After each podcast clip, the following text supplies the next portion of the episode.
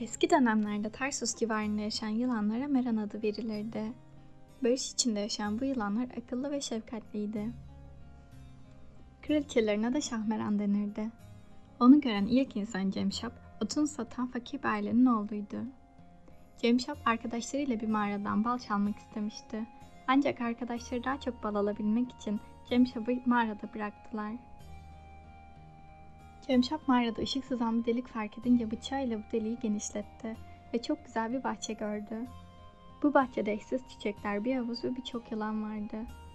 Yıllarca burada yaşayan Cemşap, Şahmeran'ın güvenini kazandı.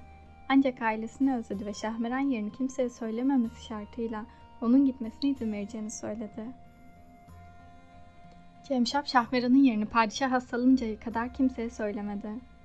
Vizir padişahın iyileşmesi için Şahmeran'ın etini yemesi gerektiğini söyleyince Cemşap Şahmeran'ın yerini gösterdi ve Cemşap'ın aslında üzgün olduğunu gören Şahmeran onu kaynatıp suyunu vezire içirmesini, etini de padişaha yedirmesini söyledi. Böylece vezir öldü. İyileşen padişah ise Cemşap'ı vezir yaptı. Efsaneye göre Şahmeran'ın öldürüldüğünü bilmeyen yılanların bunu öğrendiğinde Tarsus'u istila edeceği rivayet edilir. Bir söylentiye göre de Şahmeran'dan tıp bilimi ile ilgili birçok bilgi edinen Cemşap aslında Lokman Hekim'dir.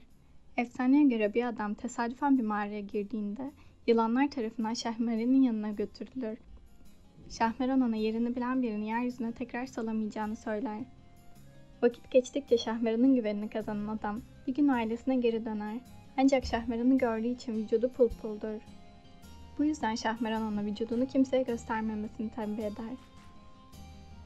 Padişahın kızı hastalanınca onunla evlenip padişah olma amacında olan vezir, büyücüleri toplar ve hastalığa çare bulmalarını söyler. Büyücülerden biri Şahmeran'ın vücudundan bazı parçalarının kaynatılıp içilmesiyle kızın iyileşeceğini söyleyince, vezir Şahmeran'ın bulunması için vücudu pullu olan kişileri zorunlu olarak gönderdiği hamamlarda aratır ve Şahmeran'ı gören adamı bulur.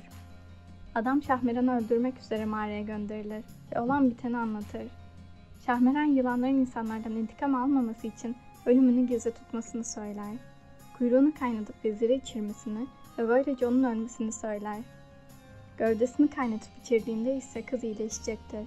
Adam da kafasını kaynatıp içtiğinde Lokman Hekim olacaktır.